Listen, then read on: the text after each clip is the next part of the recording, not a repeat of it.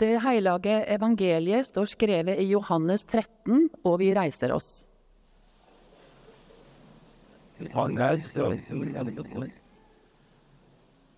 Det var like før påskehøgtida, og Jesus visste at timen hans var kommet, da han skulle fara bort fra denne verden og til far sin. Han hadde elska sine egne som var i verden, og han elska dei heilt til det siste.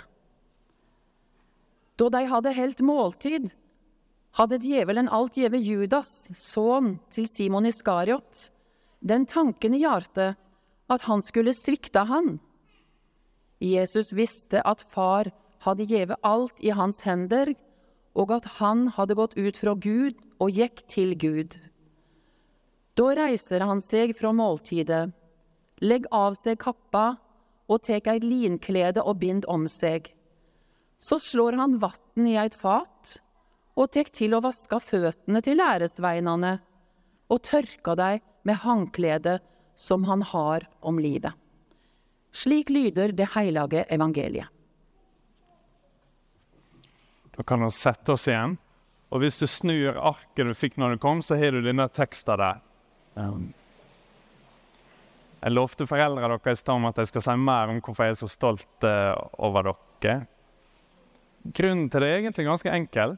At med konfirmantkullet har vi prøvd noe nytt.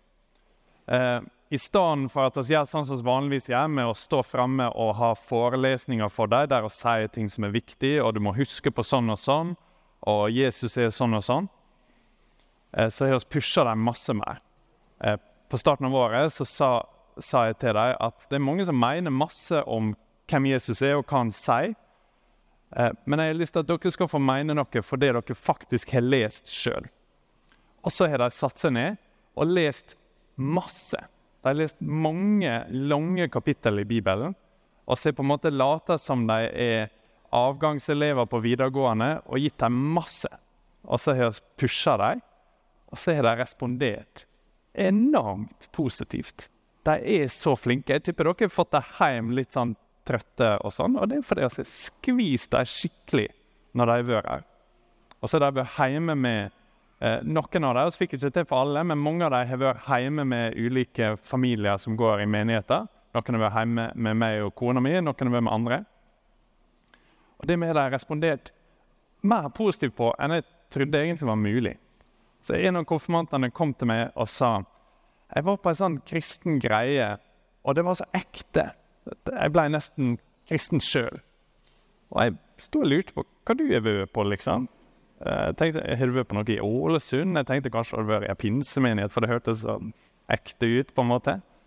Hva du, ja, hva du snakker om? Hva du vært på? Nei, jeg var hjemme med et sånn ektepar i Sykkylven. Altså, det er noe konfirmantopplegget ditt. Er jeg som har dit. sant? De har bare vært så positive at jeg er skikkelig stolt. Jeg gleder meg skikkelig til i dag. Jeg tenkte at jeg skulle se på en av tekstene de har sett på. Dette er bare en kort del. De las hele dette kapittelet. Så dere må ikke være imponert over dere sjøl fordi dere har fått fem vers. Bare Snakk med konfirmanten din. Men jeg tenkte jeg skulle vise dere en ting, og jeg tenkte jeg skulle minne dere konfirmanter på, på en ting som har sett som går gjennom mange av disse tekstene. Og det er at det viktigste i livet vårt, det setter på en måte en retning for oss. Av og til så sier folk Det er typisk sånn du kanskje har tenkt å si senere i dag i en konfirmasjonstale, at du må gjøre det som er viktig for deg. sant? Det er sånn som folk sier. Å, Simen, du må gjøre det som er viktig for deg. Det er ikke vanskelig i det hele tatt. Det er nå egentlig andre veien. at det er bare Hvordan vet oss hva som er viktig for oss? Det er bare å se hva vi gjør. Det er ikke sånn at noen gir meg en potetgullpose og sier du må prøve å spise opp hele posen. Den bare forsvinner av seg sjøl. Det, det som er naturlig for meg, er bare å hive den i meg. Jeg trenger ikke sånn, jeg trenger ikke å lese bok om hvordan spise potetgull. Det er, bare, det er viktig for meg. Det bare skjer. Og på samme måte som jorda har sin tyngdekraft sant? og drar inn alt som er rundt seg, sånn er det med det som er viktig i livet vårt. At det drar oss på en måte til seg. At den tingen som for deg er det store, hva det nå enn er Enten du vil eller ikke, så sett den på en måte retning til livet ditt. For den bare den har så stor tyngdekraft. Du ender på en måte opp der uansett. Kanskje du ikke hadde tenkt å spise den potetgullposen, men den bare drar seg til sant? Plutselig så er den tom. Derfor er det kjempespennende å tenke på hva er egentlig den tingen. Hva er det som er viktigst for deg? Hva er det som er ditt store tyngdepunkt? Sant? Hva er det som drar deg til seg? Hva er det som former livet ditt? For nå er det en sånn dag der jeg skal sende dere ut, og så er så gira på framtida deres. Eh, og så er stolt over dit dere kom til i dag. Og da tenker jeg det er helt naturlig å se på ok, hva skal være den ene tingen som er tyngdekrafta i ditt liv? Hva skal være den ene tingen som helt sånn naturlig setter retning for livet ditt? Det må være noe godt, sant? Det kan ikke være noe som er vondt. For alle har lyst, både for konfirmantene, men også for oss sjøl, og har lyst at det som dreier oss fram i livet, skal være en god ting. Derfor har jeg lyst til å vise dere denne teksten her. For det vi har sett i tekst etter tekst etter tekst gjennom konfirmantåret, er at Jesus i godhet overgår alt oss kan forvente, eller alt oss kan se for oss på forhånd. Vi får bare et lite glimt av det her, og vi bare lese noen vers. Men det står sånn at det er like før påskehøgtida. Jesus visste at timen hans var kommet, som betyr at han vet at nå er det på tide å dø. Neste dag så er han død. Han lever ikke et døgn til etter dette. Så har de måltid, de har påskemåltid. Og Judas har allerede denne planen som han har fått fra djevelen om å svikte Jesus. Hva gjør Jesus da? Hva gjør han når han er pusha mest? Når han har liksom sine siste timer og sitter og teller minutter, egentlig? Da reiser han seg og begynner å gjøre seg klar til å vaske føttene til læresveinene. Dette er en kjip jobb. Dette var den dårligste av slavene. Den som var liksom nederst på alle rangstiger, fikk denne jobben. Så ingen av disiplene har drømt om at det er Jesus som skal gjøre det. De sitter og tenker sjøl ja, jeg er ikke nederst, jeg har ikke lyst til å gjøre det. Så reiser Jesus seg og viser sin utrolige godhet sant? og vasker føttene der. Og så neste dag Det står ikke i denne teksten, det er bare hinta til her, men dere har lest masse om det. Så tar Jesus det enda et skritt. At han går på korset og dør for alle som tror på han, sant? Og så står han opp igjen fra de døde. En av konfirmantene kalte det det største plot twist han hadde sett noen gang. Og Plutselig så er Jesus der igjen. At han har stått opp igjen fra de døde. Dette tilbyr Gud oss som det viktigste i livet vårt. For det retninga oss blir dratt i, er så viktig så må vi på en måte se på hva er det som drar oss fremover i livet. Hva er det som er det store for oss?